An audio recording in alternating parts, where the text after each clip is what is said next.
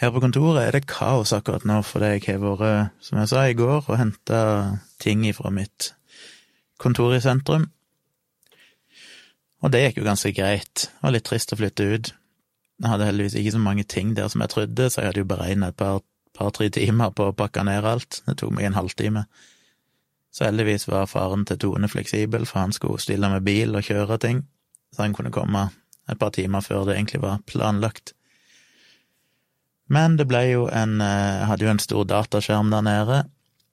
Sto den 32 tommer, eller noe sånt, som jeg kjøpte for, noen, for en tre-fire år siden. Uh, ja. Den var egentlig tenkt å bruke et annet sted, som en litt sånn kombinasjon av TV og dataskjerm. Men uh, jeg har jo nå stått ubrukt nede på kontoret mitt ei stund, siden jeg flyttet ut derifra, eller slutta å bruke kontoret. Og hadde òg, der hadde jeg òg en Mac Mini som jeg brukte på kontoret. Så jeg tok hjem det, og så rigga det opp inne på rommet til dattera mi. Så nå har hun fått seg en Mac Mini med en 32 tommers 4K-skjerm, som jo er kjekt å ha. Den Mac Minien er ikke verdens raskeste maskin, han er helt middelmådig med en ekstremt dårlig grafikkprosessor, så han duger jo ikke til så mye annet enn sånn ja, vanlig jobbing. Du kan ikke redigere video på han eller gjøre noe sånt. Men han duger jo mer enn nok til hennes behov. Jeg tenkte hun kunne ha han der inne og bruke han til å se på Netflix og selvfølgelig bruke internett og sånn. Så får vi se om hun bruker han. Hun er jo en mobilbruker av dimensjoner, så det kan være hun bare foretrekke å bruke mobilen til det meste. Men da kan hun iallfall fyre opp Netflix eller YouTube og sånn, og ligge der inne og se på en litt større skjerm enn det hun normalt gjør, hvis hun vil det.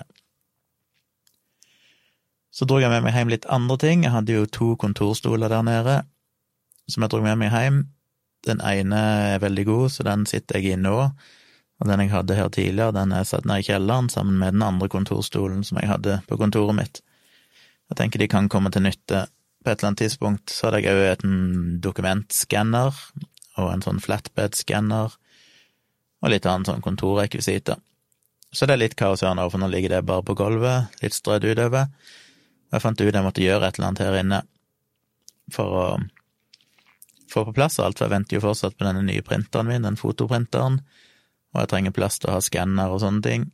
Så i går brukte jeg noen timer på å gå inn på Ikea og Bohus og Skeider og diverse andre sånn kontormøbelleverandører, forhandlere, for å se om jeg kunne finne noe passende eh, møblement her inne. Og det er ikke så lett, for det er ikke verdens største kontor, og jeg prøver jo å proppe inn altfor mye. Men eh, ja, og så var det jo vanskelig å finne ting de kunne levere, for jeg er avhengig av at de leverer det på døra. Um, så jeg var litt fram og tilbake, men endte til slutt opp med å oppdage at Ikea har jo en ekstra pult som er basically den samme som den jeg har nå, den kjøpte jeg på Ikea. Um, den er sånn hjørnepult, holdt jeg på å si, det er en sånn lite hjørne på den, mens den andre var bare en forlengelse, egentlig. Bare en, et vanlig bord, holdt jeg på å si, med fire bein.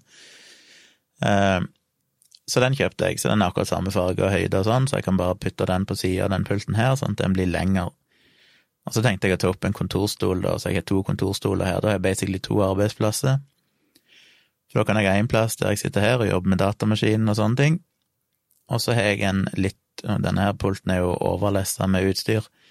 Så kan jeg ha den på sida, der det går an å sitte og for eksempel, um, hvis lage prints, eller skal ramme inn et bilde, eller beskjære et bilde, eller et eller annet sånt som jeg har printa. Eller bare jobbe med andre ting der jeg trenger en ryddig og tom bordflate. Så kan jeg sitte på den andre pulten. Og så bestilte jeg òg en kommode som jeg skal ha den eh, fotoprinteren på, for den er jo nesten 70 cm brei, og jeg trenger mer plass her inne til å lagre ting. Så jeg kjøpte en kommode med to gode skuffer i, så jeg får plass til å stue vekk litt mer i de skuffene av fotoutstyr og datautstyr og sånne ting. Sånne rekvisitter som jeg trenger å ha tilgjengelig, som jeg bruker av og til, men legger tilbake igjen etter bruk. Uh, pluss ledninger og adaptere, og det er mye sånn smått styr her. Så det blir deilig. Og for å organisere alt, så kjøpte jeg òg et lass med litt sånn forskjellige små bokser som jeg kan ha inni skuffene, og inni skapet her bak meg så jeg kan få organisert ting litt mer og stabla ting litt i høyden og sånn, for det er, det er mye stæsj her inne. Så det var deilig å få gjort. Dessverre så er det litt lang leveringstid. De får ikke levert det før om et par uker, blir det vel. Nesten. Ja, det blir faktisk akkurat to uker fra i dag. Fredag om to uker skal de levere det. Så det blir Det hater jeg jo. Når jeg bestiller ting, så vil jeg ha det nå. Uh, spesielt fordi jeg, for, jeg trodde jo kanskje jeg skulle få printeren i dag, men foreløpig så er det ikke fått noen oppdatering på leveringa. Den står bare at den ankom Oslo for et par dager siden, og så har det ikke skjedd noe mer. Så gudene vet.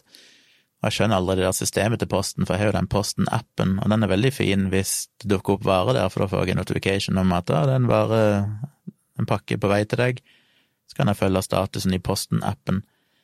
Men sånn som denne forsendelsen, den ble jo Fikk jeg bare en mail, og så sto det sånn sporingsnummer. Så kan jeg klikke på det sporingsnummeret, og da kommer jeg inn på posten.no sine nettsider, og han viser meg status, men det dukker ikke opp i appen. Men så kan jeg gå inn i appen og legge til sporingsnummer manuelt, og da ligger de der, så jeg har lagt til de to sporingsnumrene på de to pakkene jeg venter på. Men jeg skjønner ikke logikken i det, hvorfor dukker ikke de opp, hvorfor er det noen pakker som bare dukker opp i appen, som er tydeligvis registrert i et eller annet system, mens andre ikke gjør det, men du kan gjøre det manuelt? Jeg skjønner ikke de greiene. Posten er jo et evig mysterium, det er jo flere ganger her de har levert ting til feil postkontor, så jeg må plutselig reise et stykke for å hente det. Selv om jeg har oppgitt korrekt adresse, så innbiller de seg at det er et helt annet postkontor som er det nærmeste, som egentlig ligger langt unna. Eller det der klassiske med at jeg får en Ja, det skjønner jeg heller aldri, hvorfor jeg av og til får sånn pakkelapp i posten, mens andre ganger får jeg det bare en SMS eller en melding i appen. Det er så random hvordan ting Det er liksom ikke noe helhetlig system. Og det hender jo stadig vekk at jeg får en pakkelapp, eller jeg ikke får noen pakkelapp av jeg går og venter på en pakke, og så til slutt så må jeg gå og spørre om han, og så viser det seg at de har pakken, og har hatt den der lenge. Så går jeg og henter den, og så et par dager etter jeg har henta pakken, så kommer det en pakkelapp i posten. Og det er bare sånn, jeg skjønner ikke at de ikke kan ha et system på de greiene. Men poenget mitt var vel at jeg vet ikke når jeg får den printeren, jeg håpet jeg skulle få den i dag, for det var det som var estimert leveringsdato, 24. juli, og han kan jo fortsatt dukke opp, som sagt, jeg vet jo ingenting, det er jo sånn De siste pakkene jeg har fått, så har de jo gjerne fått notification i appen at det står eh, at den blir den er lasta for utkjøring og vil bli levert i dag, og jeg venter, og så kommer han ikke. Og så går jeg inn dagen etterpå i appen, og der står det fortsatt lasta for utkjøring, forventes utlevert i dag, men med gårsdagens dato, så det er ikke skjedd noen oppdatering av status. Men så kommer han da dagen etterpå. Og det er jo rart hvis ikke de leverer han ut, hvorfor blir ikke det oppdatert i appen, sånn at de sier at han ble forsinka, eller at de skal levere han ut dagen etterpå, eller et eller annet sånt. Men eh, hva er det jeg skulle si? Ja, så jeg vet jo ikke. Selv om han ikke er kommet ennå, og selv om ikke det skjedde noen oppdatering i appen, så kan han jo plutselig bare komme. Gudene vet. Men akkurat nå er jeg litt sånn, hvis jeg får den nå, så er jo det gøy, men uh, jeg får litt sånn panikk av tanken på å ikke kunne organisere ting skikkelig. Når jeg får printeren, så vil jeg helst ha en plass å sette den. Hvis jeg får den nå, så må jeg jo, hvis jeg pakker den ut og sånn og skal teste den, så må jeg bare sette den på gulvet, og det føler jeg er litt smertefullt. Men det blir en komplett reorganisering av kontoret her når jeg får de nye kontormøblene det, for da må jeg flytte tilbake denne pulten i det motsatte hjørnet der jeg hadde den opprinnelig, men jeg flytta den her jeg sitter nå, langs den ene kortveggen av rommet. Det er litt sånn eh, rektangulært, dette rommet, for jeg ville ha mest mulig dybde i rommet når jeg filmer meg sjøl, mest mulig avstand. Men nå har jeg jo fått det nye objektivet, som er mye videre, helt ned til 14 millimeter, som sagt, så da kan jeg faktisk filme meg sjøl på litt kortere avstand. Og så tenkte jeg, eh, hvis jeg sitter andre vei og filmer, så har jeg noen bokhyller bak meg der jeg har noen kameraobjektiver og litt sånn, og det er litt sånn fin bakgrunn å ha. Litt inspirert av alle youtuberne, selvfølgelig, som gjør det samme. Sånne fotofolk som driver med YouTube-kanaler, de er jo ofte ei hylle med kameraobjektiver og kamerautstyr bak seg. Så jeg skal prøve å rigge meg til sånn at jeg kan få en litt sånn fin bakgrunn. Til en viss grad, og dette rommet går det egentlig ikke an å få noen skikkelig fin bakgrunn, for skal jeg ha et vidt nok bilde til å få med meg og litt omgivelser, så kommer jeg garantert til å få med litt av skapet, og det blir liksom ikke en ryddig og fin bakgrunn, men, men. Uh, ja, så det blir en reorganisering. Og jeg har så mye stæsj. Det er jo en iMac med en uh, ekstra skjerm, jeg har et miksebord, jeg har tre eller fire eksterne disker, jeg har kamera, jeg har studiomonitorer, jeg har diverse dingser kobla til USB og sånn, miksebord, mikrofoner, LED-paneler med lys. Og det er så mye kabler og styr, og jeg klarer ikke å få organisert det ryddig og fint nok, uansett hva jeg gjør. Så jeg tenker når jeg skal omorganisere nå, så skal jeg koble ifra alt og starte fra scratch, og virkelig prøve å liksom få satt opp på en måte som jeg blir komfortabel med, der jeg får organisert kablene litt. Så det gleder jeg meg til. Det er jo en drittjobb, men det er deilig når det er gjort. Og så har jeg jo montert alle disse akustiske panelene på veggene, og de er jo litt basert på sånn som jeg sitter nå, men eh, det ser ut til at det skal funke hvis jeg omorganiserer, så kommer jeg fortsatt at det er ingen som er plassert så lågt at de kommer i veien for pulten, for eksempel, og alle er plassert relativt hensiktsmessig i forhold til hvordan jeg snakker, for jeg har jo egentlig dekka alle veggene, så det tror jeg skal funke bra. Uh, ja, så det blir et uh, prosjekt. Jeg har én dings her inne. Jeg kjøpte jo en sånn sylinder som dere kanskje har sett bak meg i noen av videoene, en sånn grå sylinder som står i et hjørne med en hodeskalle oppå. Den er jeg bitte grann usikker på hvor jeg skal få plassert. Ikke sikkert jeg har plass til den lenger, det er jo litt synd, for den gjør jo en jobb, den suger jo opp eh, lave frekvenser. Og i det hjørnet der jeg har den nå, hm, ja ja, jeg får se hva jeg får til. Så det er litt av mine planer.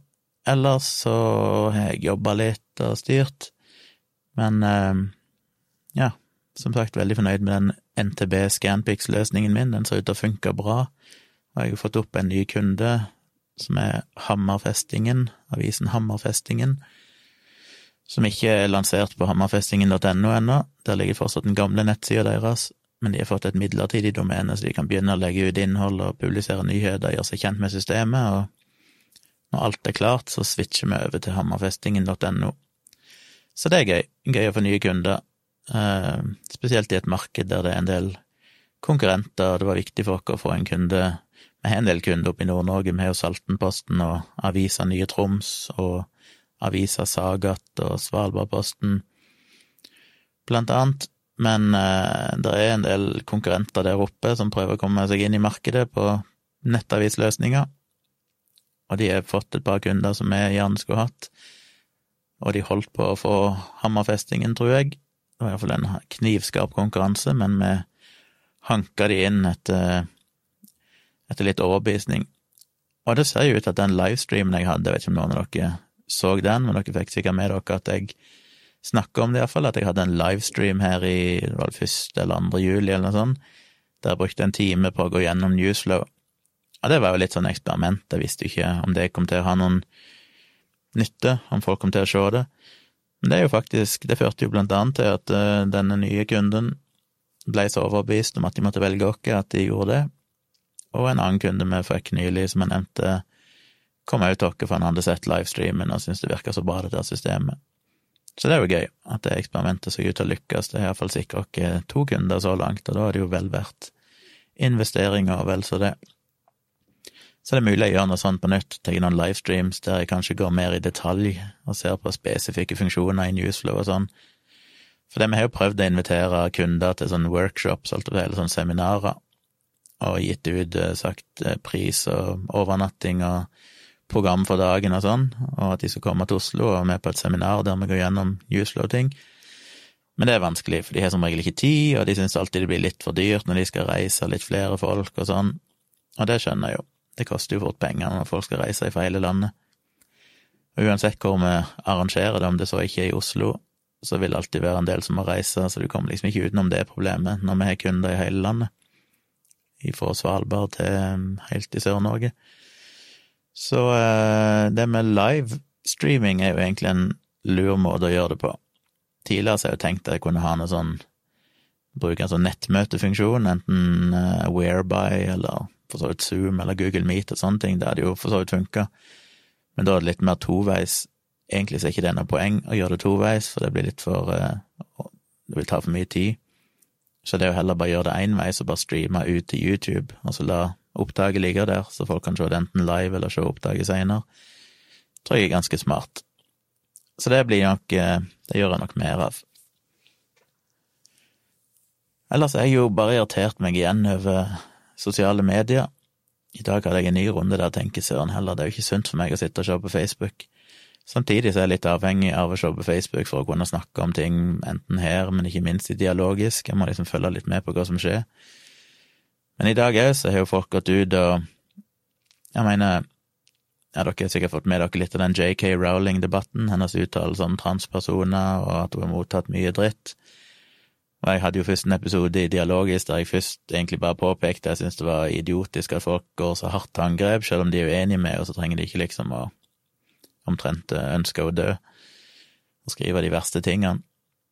Så fikk vi litt kritikk for det, for det noen følte at eh, det var greit nok, men vi hadde ikke egentlig representert standpunktet hennes skikkelig og sånn. Så i episoden etterpå, som vel var kanskje den nest siste episoden eller sånn før sommerferien, så tok vi jo litt grundigere gjennomgang eh, av hva hun egentlig hadde sagt, og hva kontroversen handla om, og prøvde å få rydda litt opp i det.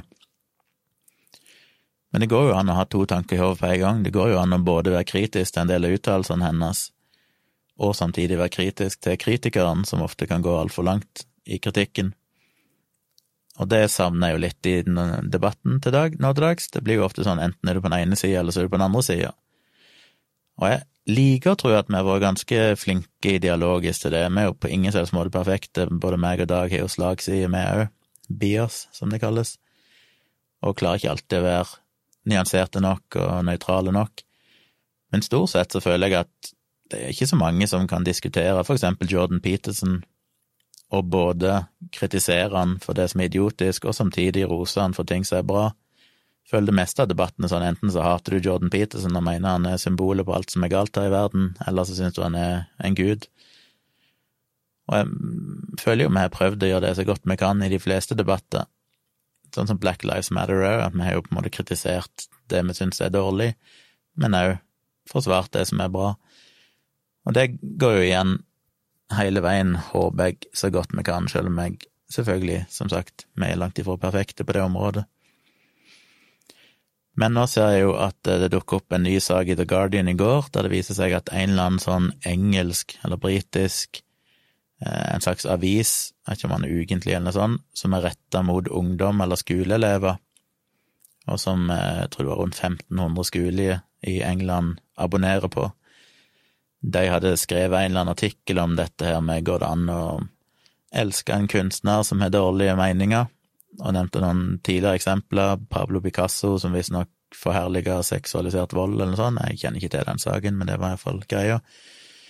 Eh, Richard Wagner, den komponisten som jo ble hylla av nazistene. Og det finnes jo mange eksempler fra rockehistorien òg, selvfølgelig, med moderne musikere som har hatt ganske horrible meninger og gjort horrible ting.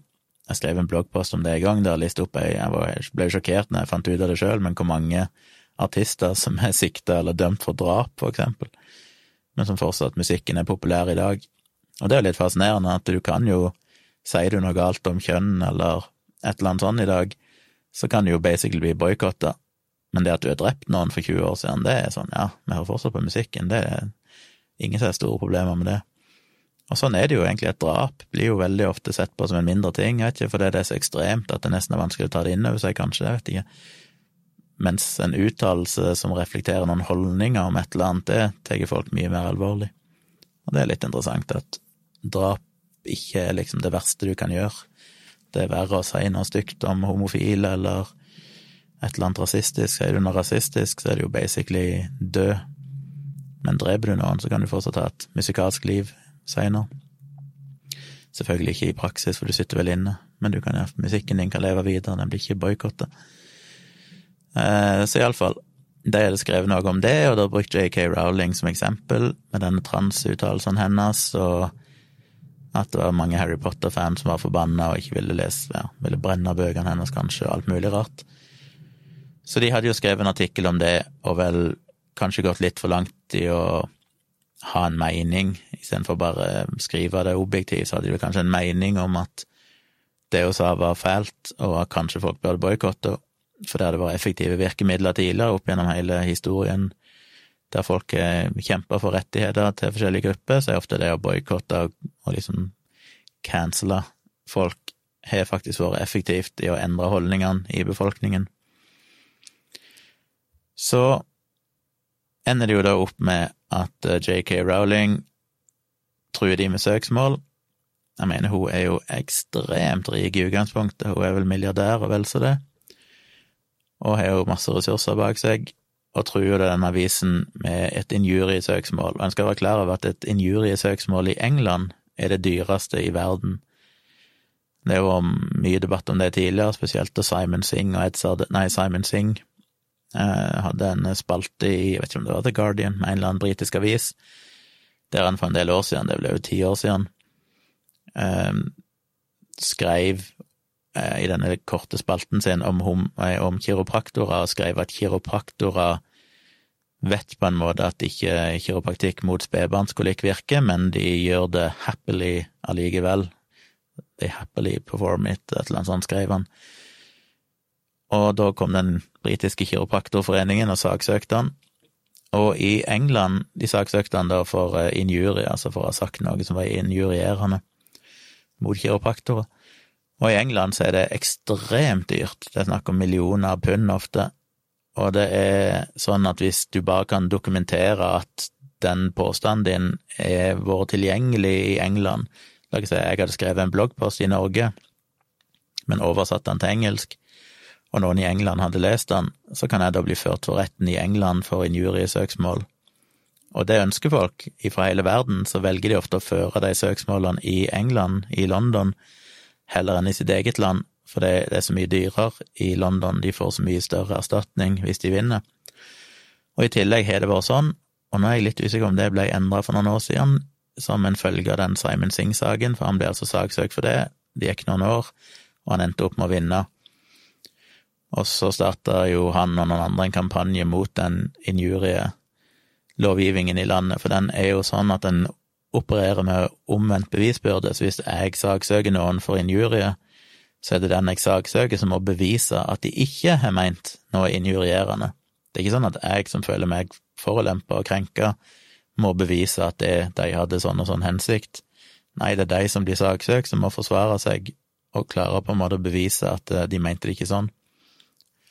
Og det er jo en litt håpløs situasjon, for da kan jo hvem som helst saksøke hvem som helst for noe de føler er krenkende.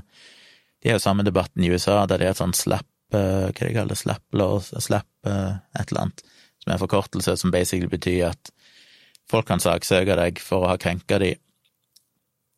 Steven Novella i Skeptisk Guide to the Universe og i Science Based Medicine-bloggen ble jo saksøkt av en eller annen alternativ behandler, fordi han i en bloggpost hadde skrevet noe kritisk om han behandleren og da blir han saksøkt. Og poenget med sånn søksmål er ofte ikke å vinne. Samme er det i England, det er ikke nødvendigvis å vinne, fordi det krever jo mye tid. Men målet er jo å saksøke deg og kreve en stor erstatning, sånn at du egentlig bare feiger ut og tenker dette er ikke verdt det, for ja, jeg har kanskje retten og loven på min side, jeg har jo ytringsfrihet, men for å bevise det, som er kanskje gjennom flere år med rettssaker som veldig ofte, eller egentlig alltid, koster oppi millioner, millionervis av kroner før du er ferdig.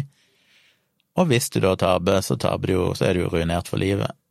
Så da er det ofte lettere å bare fjerne bloggposten, for eksempel, og bare si ok, fuck it, det er ikke verdt dette. Steven Novella ble jo også saksøkt, de valgte jo å føre kampen og fikk jo mye støtte gjennom lyttere og sånn av podkasten som støtta med penger, så de hadde litt ressurser til å få seg skikkelig advokat og alt mulig sånn, og endte opp med å vinne. Så det er jo bra å ta kampen, men det er jo lett å forstå at ikke alle gjør det. Jeg har jo sjøl blitt trua med søksmål noen ganger, en gang i den berømte sjokolademafiasaken, som jo gikk eh, havna på forsiden av norske aviser og spredde seg til utlandet, og som de òg snakka om, faktisk, i Skeptisk Guide to the Universe, snakka de om meg og sjokolademafiasaken.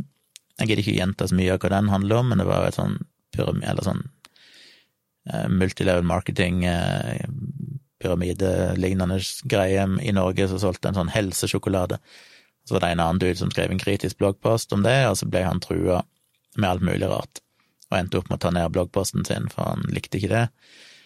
Eh, og så valgte jeg å republisere hans bloggpost, og mente at dette dette ikke er riktig, dette er viktig informasjon som skal ut, og skrev en egen bloggpost om alt som hadde skjedd. Og så ble jo jeg òg da trua Eh, med søksmål i 100 millioner dollars-klassen, hvis ikke jeg umiddelbart tok ned den bloggposten. Men det nekta jeg jo bare, for jeg skjønte jo at det er jo ikke seriøst, det var en tom trussel, så det, det blir ikke helt det samme som de her reelle søksmålene, der folk faktisk leverer inn et reelt søksmål. Her var det jo bare en påstand, en som ringte meg og trua meg på telefon. Jeg har jo opplevd det seinere, der det var en som ringte meg i fjor eller sånn, eller i forfjor. Plutselig ut av det blå så han representerte en alternativ behandler som jeg hadde nevnt i en bloggpost for mange år siden. Skrev ikke noe stygt eller noen ting, jeg bare skrev et eller annet om at uh, han drev med behandling som ikke virker. Uh, og sa at hvis ikke jeg tok ned den i løpet av dagen, så kom han til å bli saksøkt. Og jeg bare sa det er bullshit, for det, jeg har all rett til å skrive en sånn mening, det er ytringsfrihet i landet. Og endte opp med en lengre diskusjon med han fyren, da han etter hvert liksom var sånn ja, ok, han beklagde at han hadde vært sånn og sånn, men om jeg kunne kanskje tenke meg å Om ikke jeg tok ned bloggposten, og om jeg kunne fjerne navnet hans eller et eller annet, så nekta jeg det òg. Ville ha argumenter for hvorfor jeg skulle gjøre det. Og så avslutta han med ok, du kommer til å høre fra advokaten noe, så slengte han på røret. Og jeg hørte jo selvfølgelig aldri noen ting, for det er jo igjen et sånt forsøk på å bare true meg med søksmål i håp om at jeg skal gi etter, selv om i dette tilfellet så kommer de jo aldri til å gidde å saksøke meg, for de vet jo sjøl at de har jo ikke noen sak. Så en sånn søksmål som JK Rowling har kommet med, kan jo altså bli ekstremt dyrt. Og dessverre så er jo denne avisen da la seg bare flate og sa beklager, unnskyldte seg, trakk tilbake alle påstander og sa de skulle gi et beløp ukjent størrelse til en veldedig organisasjon som JK Rowling kunne sjøl velge ut som en sagt kompensasjon for tort og svie, i håp om å unngå søksmålet. Så er jo, det er jo ganske ironisk, da, for JK Rowling var en av de 150 som signerte dette oppropet som ble trykt i eh, flere aviser her for et par uker siden, der eh, en del kjente akademikere og, og kjendiser gikk ut og sa at de syntes det var problematisk med ytringsfriheten var trua de kan an å ha det sånn nå at du ikke kan si ting, og så kan du risikere å miste jobben. Og hun signerte jo på den, som er ganske ironisk, da, når det første hun gjør, ved å bare å oppleve kritikk i en sånn avis, som jo er helt innenfor ytringsfriheten, så truer hun dem med søksmål. Så hun erklærer seg selv som et offer og underskriver en, et brev, et offentlig sånn opprop, mot at det er en trussel mot ytringsfriheten, men i det øyeblikket hun selv blir kritisert av en avis, så truer hun dem med søksmål, som jo er definisjonen på å kneble ytringsfriheten til noen. Ikke helt definisjonen, da, for det handler ikke om at staten knebler, det er jo et privat søksmål, men det er iallfall en effektiv måte å virkelig kneble noen på. Og det rare er at de folkene jeg så denne artikkelen dukke opp et par ganger på Twitter i går av folk som jeg følger i utlandet, Eh, sånne youtubere og sånn, som ofte er veldig oppegående. Og de påpekte jo at eh, herregud, så paradoksalt at hun hevder å være krenka av eh, at folk kritiserer henne, og at hun mister ytringsfriheten, men det første hun sjøl gjør når hun virkelig blir kritisert, er å saksøke noen for å nettopp fjerne deres rett til å ytre seg. Og det er jo den rette måten å ta det på, det er jo selvmotsigende. Så jeg retweeta dem. Jeg syntes det var litt latterlig hele greia, at ikke hun sjøl innser hvor idiotisk det er å gjøre noe sånt, når hun nettopp har sjøl hevda at hun ble kring, eller hevda at hun har mista sin egen ytringsfrihet. Selv om salget av Harry Potter-bøker har jo gått opp i det siste, og hun er jo en multimilliardær, og hun kommer aldri til å ha noen problemer med å ytre seg, uansett hva folk på Twitter måtte skrive om henne. Men derimot så kan hun knuse folk sjøl med pengene sine. Og så ser jeg da flere på Facebook av de vanlige usual suspects som driver og hyler om ytringsfrihet, som nå deler den saken med JK Rowling, uten å i det hele tatt se paradokset i at dette er jo egentlig ikke hun som blir knebla, det er jo hun som knebler.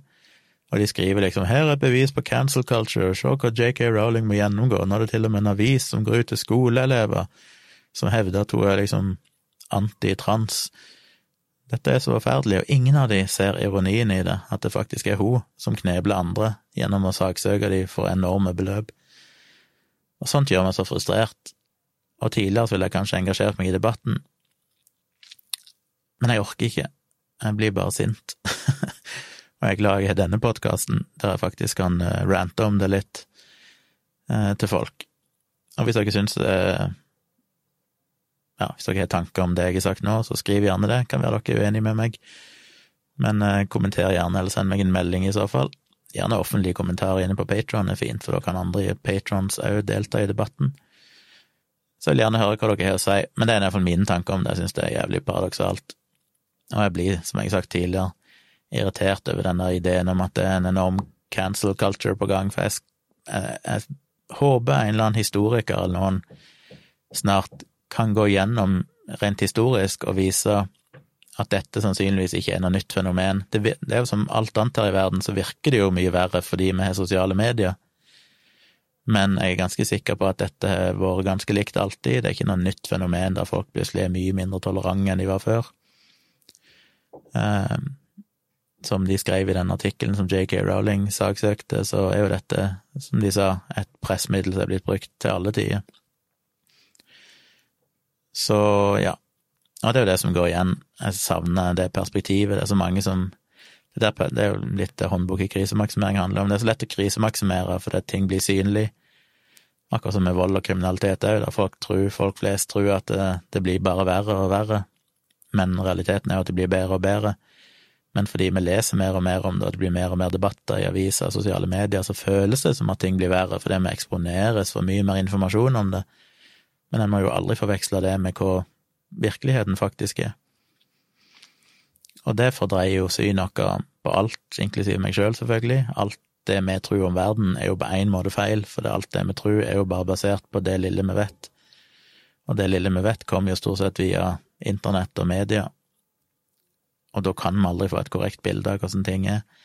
Og Derfor så bør folk være litt forsiktige før de hyler opp om at ting går til helvete, og så videre. Det er litt det samme som jeg skrev jo en eh, kronikk i Dagbladet for et par år siden om dette, med sånn det som nå egentlig kalles for cancel culture, men som da var, gikk mer på dette med deplatforming, at foredragsholdere og sånn ikke fikk lov å holde foredrag fordi de hadde sagt noe galt tidligere, og folk ikke likte de. Og da skrev jeg jo at eh, mens noen vil hevde det er en innskrenking av ytringsfriheten, så er det jo i realiteten det motsatte. Det er jo en utvidelse av ytringsfriheten, for grunnen til at disse folkene møter reaksjoner nå, er jo fordi grupper i samfunnet, minoriteter, transpersoner, homofile, kvinner for den saks skyld, etniske minoriteter, for første gang har organisert seg på en måte som gjør at de har en stemme, kollektiv stemme, gjennom sosiale medier. medier. Så dette er jo nye grupper som er blitt undertrykt basically i tusenvis av år, fordi det er i gåseøyne middelaldrende hvite menn, eh, men iallfall ofte hvite, men ofte privilegerte mennesker som har hatt definisjonsmakt i samfunnet og hatt mulighet til å ytre seg, og plutselig så møter de motbør nå fra minoriteter, så føler de at ytringsfriheten er knebla, fordi at de ikke får lov å si det de har sagt uimotsagt i alle år til et publikum på mange millioner, der de ofte tjener mange millioner. Jeg mener når folk med ti millioner følgere på Twitter og YouTube og sånn, som har tjent seg til mange millionærer, gitt ut mange bøker, skriver fast i diverse eh, magasiner, hevder at de blir knebla fordi noen som aldri har hatt mulighet til å ytre seg tidligere, nå faktisk sier at det du sier er feil eller idiotisk, er jo bare forferdelig korttenkt å hevde det. Eh, jeg tror at vi er i ferd med å få en utvidelse av ytringsfriheten på mange måter, samtidig så ser jeg selvfølgelig problemet med at det er en del tema det er vanskelig å si noe nyansert om, fordi du blir plassert i en bås umiddelbart. Det er liksom noen tema som er litt sånn Ja, du kan ikke nyansere det, for da blir du sett på som å være rasist eller transfob eller et eller annet sånt. Og det har vi jo snakka mye om i, i dialogisk òg. Vi prøver jo å holde det nyansert. Vi kan kritisere ting i transbevegelsen, vi kan kritisere ting i Black Lives Matter, men vi har jo ikke opplevd den hetsen og hvorfor er vi ikke det? Jeg tror det er rett og slett fordi vi faktisk tar oss tid til å prøve å være nyanserte, heller enn å bare fyre av en tweet om et eller annet som egentlig er designa for å provosere. Så jeg tror ikke det egentlig handler om at ikke det er noe rom for å ytre seg kritisk, jeg tror bare at en må gjøre det på riktig måte. En må liksom kunne vise begge sidene og være ærlig på at en ikke nødvendigvis kjenner hele sannheten og sånn, og det føler jeg jo meg i dag prøver å være heller enn å fremstille seg sjøl som en slags autoritet som gjennomskuer alt, og så kommer du med et eller annet kritisk. Da skjønner jeg at folk kan reagere. Men det betyr ikke nødvendigvis at ikke folk har rett til å uttale seg. Det betyr bare at de gjør det på en dårlig måte. Så jeg tror at eh, kanskje pendelen svinger litt for langt ei side, med at ja, det er mye hysteri rundt dette, og jeg er helt enig i at det er mange idioter på Twitter og i sosiale medier som skal liksom knuse folk fordi de har sagt et eller annet galt, eller de gjorde et eller annet galt for 14 år siden i en tweet, som er helt idiotisk. Men jeg tror kanskje det er nødvendig at pendelen går litt den veien, fordi det er Det fører til en mer større balanse i samfunnet om hvem som faktisk kan ytre seg, og, og hvordan en skal ytre seg respektfullt og nyansert.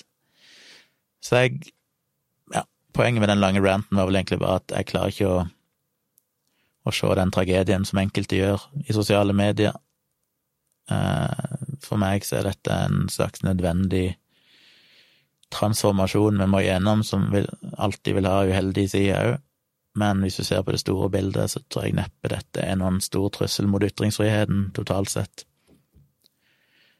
Og jeg tror ikke, hvis en begynner å liste opp, jeg tror ikke det er mange av disse menneskene som hevder seg cancela, som to år seinere faktisk har forsvunnet fra radaren. De fleste er der fortsatt, og going strong, og tjener fortsatt millioner, er fortsatt et gigantisk publikum.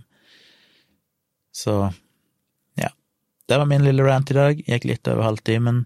Dette er egentlig nattens rant som jeg skulle ha spilt inn i går, men eh, jeg orka ikke, for jeg stressa så mye med andre ting. Så får jeg se om jeg ikke sikkert spiller inn en i kveld, jeg får se. Hvis ikke det skjer noe spesielt spennende, så gjør jeg vel neppe det. Så det var det for i dag. Da eh, skal jeg se om jeg kan få redigert litt bilder omsider, for akkurat nå er det faktisk ingenting annet som står på. Det er ingenting i jobb som brenner.